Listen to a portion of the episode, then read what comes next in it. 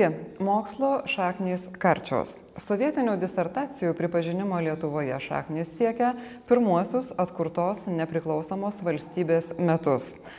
Ir jos buvo pripažintos tinkamomis nepaisant ne tik ideologinio užtaiso, bet ir tos pačios laisvos valstybės teisės aktų. Kaip tai atsitiko? Apie tai Mindaugas Aušra. Kai aukštasis mokslas tapo masiniu, natūralu, kad devalvacija vienaip ar kitaip negalėjo jos nebūti. Tik tai ta devalvacija, sakyčiau, pas mus neproporcingai didelė Neproporcingai didelė ne tik dėl aukštojo mokslo masiškumo, bet ir dėl šio įstatymo. Ne viso, o konkretaus straipsnio 28. Kai 1991-aisiais šis įstatymas aukščiausiosios tarybos buvo priiminėjimas, diskutuota dėl daugelio straipsnių, bet ne dėl 28-ojo. Galbūt nieko tokio, bet ši mokslinių laipsnių sistema be priekaištų perkelta iš sovietmečio. Vakaruose habilitacijos nelabai yra. Aukščiausiai tarybai klausimų nesukėlė ir 30 bei 32 įstatymo straipsniai dėl nostrifikacijos. Aiškinant Kalbant paprastai, sistema leidusi sovietiniu laikotarpiu apgintus daktaro ir habilitacijos darbus oficialiai patvirtinti Lietuvoje. Nostrifikavimas čia buvo išradimas, kuris iš esmės nieko gero nedavė ir procedūros dėja buvo, sprendimai buvo priimti. Tai dabar šitas nėra atliekama, jeigu užsienį įgyta kvalifikacija, jinai yra vertinama ir Lietuvos mokslo taryba arba pripažįsta arba ne. O mūsų sprendimą turi teisę tas, kas kreipiasi apskūsti. Be kalbų priimtas tiek vienas, tiek kitas straipsniai. Laisvosios Lietuvos deputatai klausimo nekėlė, nes patys buvo prirašę įvairiausių disertacijų. Laidos rytas skaičiavimu daugiau kaip trečdalis pirmųjų Seimo narių savo mokslinius darbus perkelė į lietuvišką sistemą. Daugiau kaip trečdalis. Todėl šiandien turime štai tokių perlų. Socialdemokratė Šiaulienės komjaunimo analizę, dabartinio Seimo nario komunistų partijos ir teatro tvirtybės disertaciją, Andrikienės kolūkių darbą ir daugybę kitų. Sovietinės vištos vištos ir kiaušiniai tarybinio jaunimo požiūris į ūkį bei tarybinės visuomenės demokratizavimas ir žinoma kaipgi šalies mokslas be sovietinių bulvių. Nors po metų pasirodęs vyriausybės nutarimas aiškiai uždraudė nostrifikuoti darbus skirtus komunistinei ideologijai. Taip kaip na vyko ta nostrifikacijos procedūra e, ji vyko netgi nesilaikant tuometinio vyriausybės nutarimo nes vyriausybės nutarime buvo aiškiai įrašyta kad negali būti nostrifikuoti tie darbai, kurie netitinka mokslinės metodologijos ir kurie buvo skirti vien komunistiniai sistemai na, komentuoti ir išaukštinti. Tai net pagal vyriausybės nutarimą buvo galima daugelį tų darbų atmesti. Bet na, iš ekonomikos ryties būtų tuo metu matyti reikėjo kvestionuoti ir profesorę Prunskenę, ir daugelį kitų garsių žmonių, ir sąjūdžio veikėjų. Na ir nueita tuo keliu, kad išskyrus Borokevičių ir kelis jo bičiulius, iš esmės buvo nostrifikuotos visos disertacijos. Lietuvos mokslo tarybos skaičiavimu iš viso šalyje yra beveik 18 tūkstančių daktarų su habilituotais, nostrifikuotų tai yra perkeltų iš užsienio sistemos ir kartu sovietinės aštuoni tūkstančiai. Iš jų habilituotų septyni šimtai. Šioje vietoje svarbu kad iki panaikinant habilitaciją jos reikėjo aukščiausioms akademinėms pareigybėms užimti. Kadangi užsienyje habilitacijos laipsnio kaip ir nėra tai turime pusę aukščiausio rango akademikų su kvestionuojamos kokybės darbais kaip neaiškios kokybės disertacijos gali prasprūsti pro mokslines komisijas kaip sako pašnekovai susikūrė chaltūros pasaulis kokius didūs akademikai dar darbus patys rašė, tokius sugeba praleisti ir šiandien. Gamina tokius pat kaip jie patys, o nemenka dalis jų dar ir garbino komunistinę ideologiją. Viskas padaryta tarsi taip, jog tas principingas mokslininkas, kuris sako, na, čia parašytas šlamštas, aš jau čia nekalbu apie falsifikavimą, apie plagijavimą, kur, kurio irgi yra gana daug, bet tiesiog apie žemą lygį, na, jį taip žiūrima kreivai, jis nebetraukiamas į komitetus, net ir esant labai negatyvioms nuomonėms, aš pats esu dalyvavęs tokiuose gynimuose, kur abu recenzentai pasakė, kad disertacija netitinka reikalavimų, bet komiteto nariai balsavo už.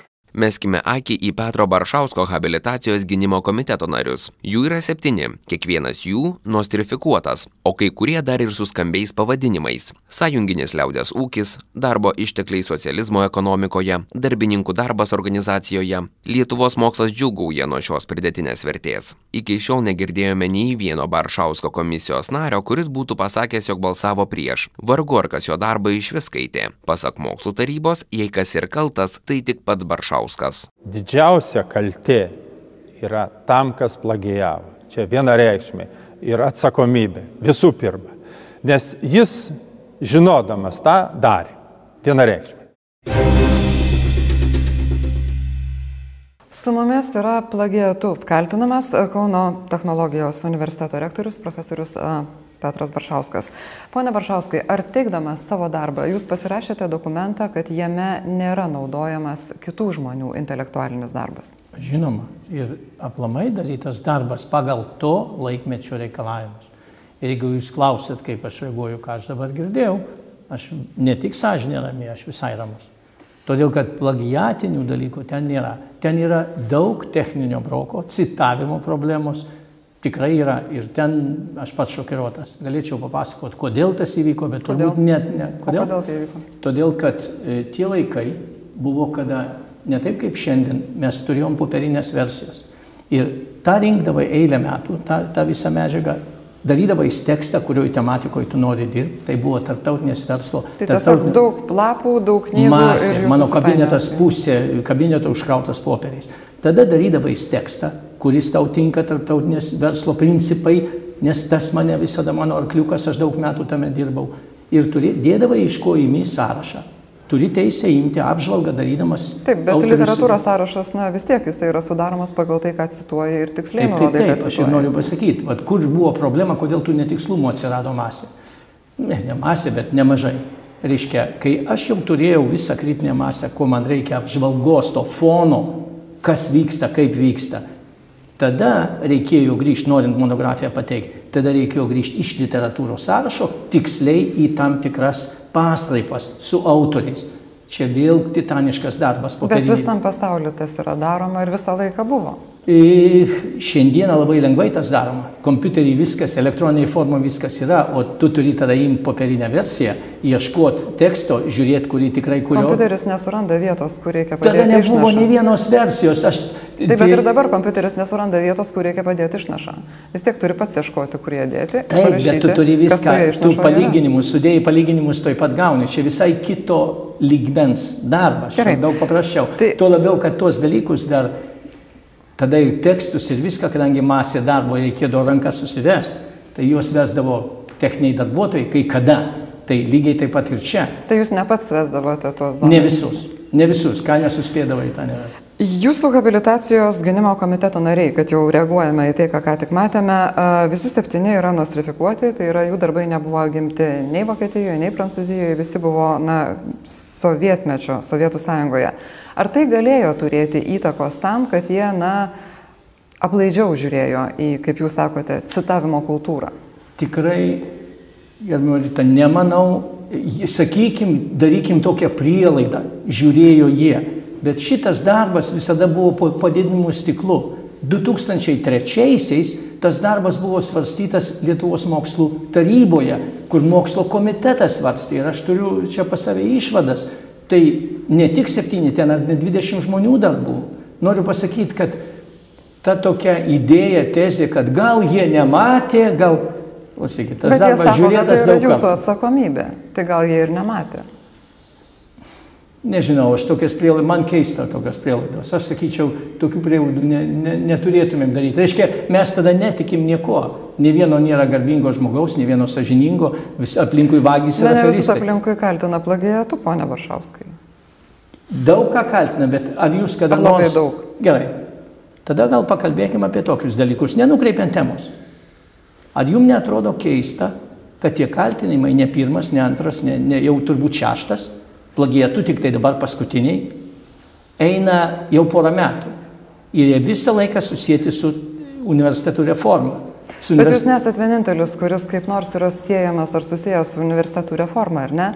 Ir ar jums netrodo keista, kad iki tol tie, tie įtarimai nėra išsklaidyti, nes jūs galėtumėt kreiptis ir į universitetą, kuriame gynėtės šitą darbą. Jūs galite kreiptis į mokslo tarybą. Jūs galite padaryti tą darbą visiškai viešu, kas tik tai nori jį skaityti ir tai padėti išsklaidyti tuos įtarimus. Ar kreipiatės kur nors? Aš kol kas oficialių kaltinimų nesugavęs, tik internetinės erdvės tokie dalykai. Tai, Dabar ir- šiandieną tai, kad yra įdomus- kreipimasis į akademinės etikos kontrolieriaus įstaigą, tai jums nėra pakankamas Ne, pagrindas. ne, man niekas nieko nesakė, aš kol kas nieko neturiu. Bet Tai šiandien, šiandieną sakau. išgirdau labai įdomią idėją, ne mano ta idėja. Reiškia, konkrečiai universiteto mm, etikos komisija e, Jūsų universitetas. pasiūlė mūsų etikos komisija. Vėl sakysit, kad čia sava komisija. Aš sakysiu, nes jūsų, jūsų sava komisija yra nustačiusi, kad nėra nieko neetiško, kai universitetas rengia studiją vienos iš vieno fakulteto dekanių vyro vadovaujamai įmoniai apie lošimus.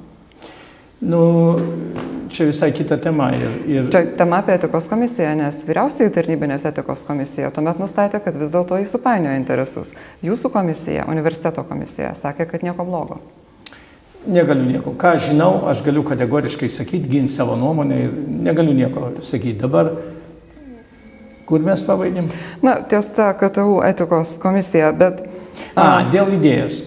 Reiškia, idėja yra tokia, kadangi daug yra techninio broko, aš savo šeštadienį, sekmadienį suradęs laiko dar kartą pasitikrinau, tai galiu kategoriškai ir drąsiai teikti. Nėra nei vienos medžiagos, nei vienos vietos tekste, kurios nebūtų literatūros sąraše. Yra netitikimų daug. Tai dabar idėja kokia šiandieną siūloma.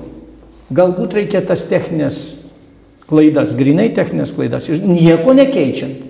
Nei pačio teksto, nei pačios Na, literatūros sąrašo. nebelabai galite keisti, kaip, kaip, Apie kaip ką kalbame? Bet tik tai sudėti korektūrinės klaidas. Ir Tada Jūsų kolega universitete a, irgi a, fakulteto dekanas, kaip ir jau viena minėta dekanė Ainius Lašas, sako, kad jo požiūriu, su visa pagarba jums, tai yra plagiatas.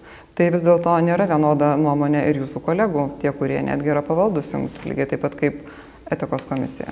Žinot, tai man tik tai patinka, kad tokie dalykai yra mūsų universitete, kad yra įvairios nuomonės. Bet čia tada reikėtų kalbėti truputį plačiau, kas man patinka jūsų su- laida kabinat plačiau.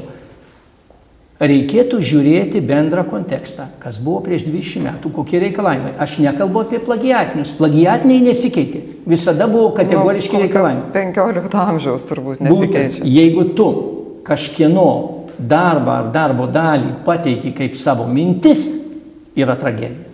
Bet eina kalba, panaudotos medžiaga yra fonui parodyti apžvalgai, o pagrindinės mano mintys visai kitur, išvalgos, išvadose, e, rezumė, mano siūlymuose, galų galę santraukoje. Va čia jeigu patenka kokia nors ten citata ir jos nepažymė, čia yra blogai. Na, Žiūrint kontekstą, aš taip esmę noriu Būčiau pasakyti. linkusi kokią. tą palikti iš tikrųjų akademinės etikos kontrolieriaus įstaigą, ar ne? Jūs sakote, žiūrime kontekstą. Pažiūrėkime kontekstą. Iki 2009 metų, kai Lietuvoje buvo panaikinta habilitacijos procedūra, profesoriumi negalėjai tapti, jeigu netapdavai habilituotų daktarų. Jūs tapote vienos mokyklos profesoriumi. a, 2003-aisiais, kitos 2004-aisiais. Ar tiesa, kad nebūtumėt galėjęs gauti pedagoginio profesoriaus vardo, jeigu ne ta I, habilitacija? tikrai būčiau galėjęs. Kaip? Įstatymas neleidžia. Labai paprastai. Todėl, kad kas žino tą situaciją, tai būdavo habilitacinė procedūra. Ir niekada niekas net knygų neišleisdavo. Bet Išleisdavo santrauką, eidavai, pateikdavai savo straipsnių rinkinį, pateikdavai tų straipsnių rinkinių e, santrauką ir gaudavai tos habilitacinius dalykus. Čia Man, jeigu jūs taip sakot, e, man habilitacinė procedūra nedavė jokių privalumų. Čia daug pateikiama mm, tokių, kad, pavyzdžiui, aš rektorium negalėjau tapti.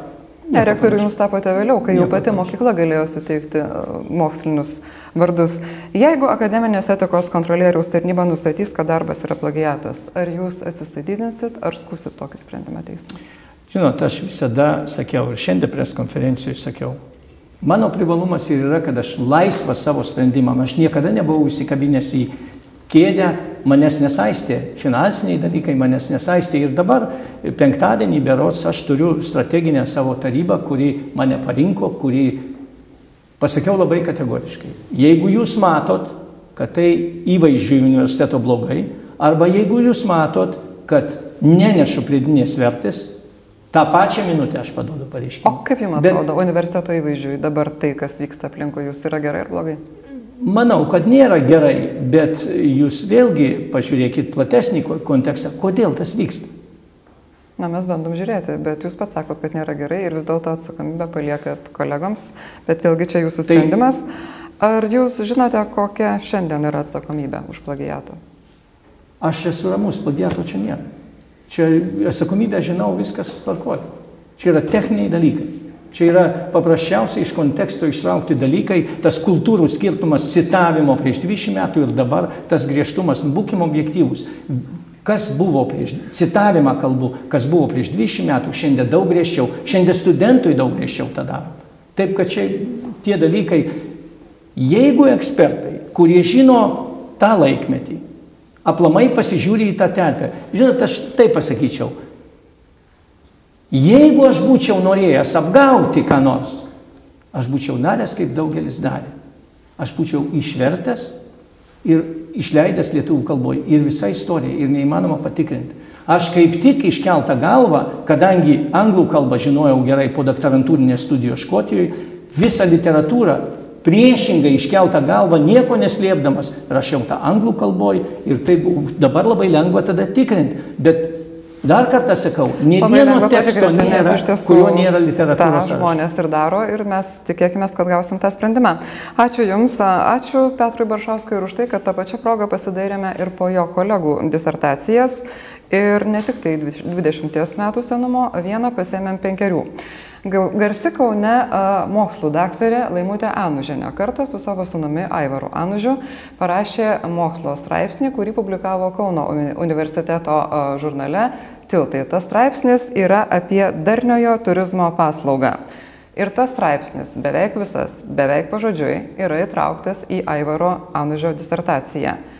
Literatūros sąraše nuorodos į tą kartu su mama parašytą straipsnį nėra jokios tos disertacijos gynimo tarybos pirmininkas buvo mūsų šios dienos pašnekovas Petras Baršauskas. Ir dar šiek tiek apie mamą, ne KTU rektoriaus, Ignaco Lojolos, kolegijos direktoriaus. Ir disertacijas kaip apie įprotį arba verslą. Eglė Rašmaitė. Buvusi karaliaus Mindaugo profesinio mokymo centro vadovė Laimutė Anužienė įvairiomis progomis mėgo girtis, kad šiame centre dirba net 28 mokslo daktarai. Dalis jų artimos Anužienės aplinkos asmenys, kurių disertacijas vartant į akis krenta ne tik temų ir turinių panašumas, bet ir tai, kad jas ginant komisijoms vadovaudavo arba jų nariais būdavo tie patys asmenys. Dalis centro daktarų Vytauto didžiojo universiteto edukologijos katedros, dabar instituto doktorantai, kaip ir pati Laimutė Anužienė. Jos disertacijos gynimo taryboje docentė habilituota daktarė Margarita Teresevičienė. Jau profesorė Vytauto didžiojo universitete habilituota daktarė Margarita Teresevičienė vadovauja komisijai, kurioje disertaciją gynė Laimutės Anužienės Martyjeva. Mokslinė Jėvos Anužinės konsultantė ir vadove buvo kita Vytauto didžiojo universiteto profesorė daktarė Vilma Žydžiūnaitė, kuri taip pat yra ir Šventojo Ignaco Lojolos kolegijos direktoriaus pavaduotoja, direktoriaus Aivaro Anužio, Laimutės sunaus ir Jėvos vyro. Karaliaus Mindogo centro direktorės pavaduotojos ir centro viešuosius pirkimus laimėdavusios įmonės Valedija akcininkės Jolantos Valiulienės disertacijos gynimo komisijoje ne tik profesorė daktarė Vilma Žydžiūnaitė, bet ir pati centro vadovė daktarė Laimutė Anužienė. Dar profesorė Teresevičienė pirmininkavo Ignaco Lojolos kolegijos sveikatos mokslų katedros vadovės ir Karaliaus Mindogo centro aukštadvario skyriaus vedėjos Aistės Antanaitinės disertacijos gynimo tarybai, bei Mindogo mokymo centro sveikatos priežiūros skyriaus vedėjos, bei centro dalininkės ortopedijos klinikos vadovės Danutės Maurušaitinės disertacijos gynimo tarybai.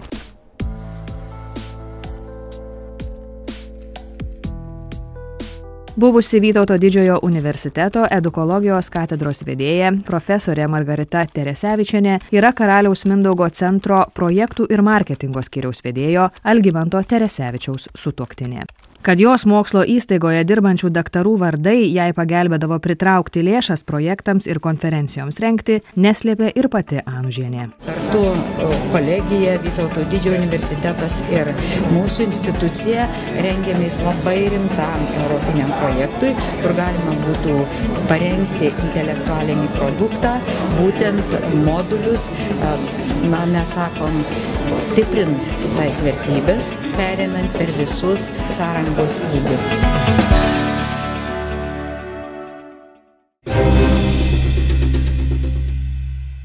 Šiandien jau viskas. Ačiū, kad žiūrit ir ačiū, kad remet. Be jūsų šitos laidos nebūtų.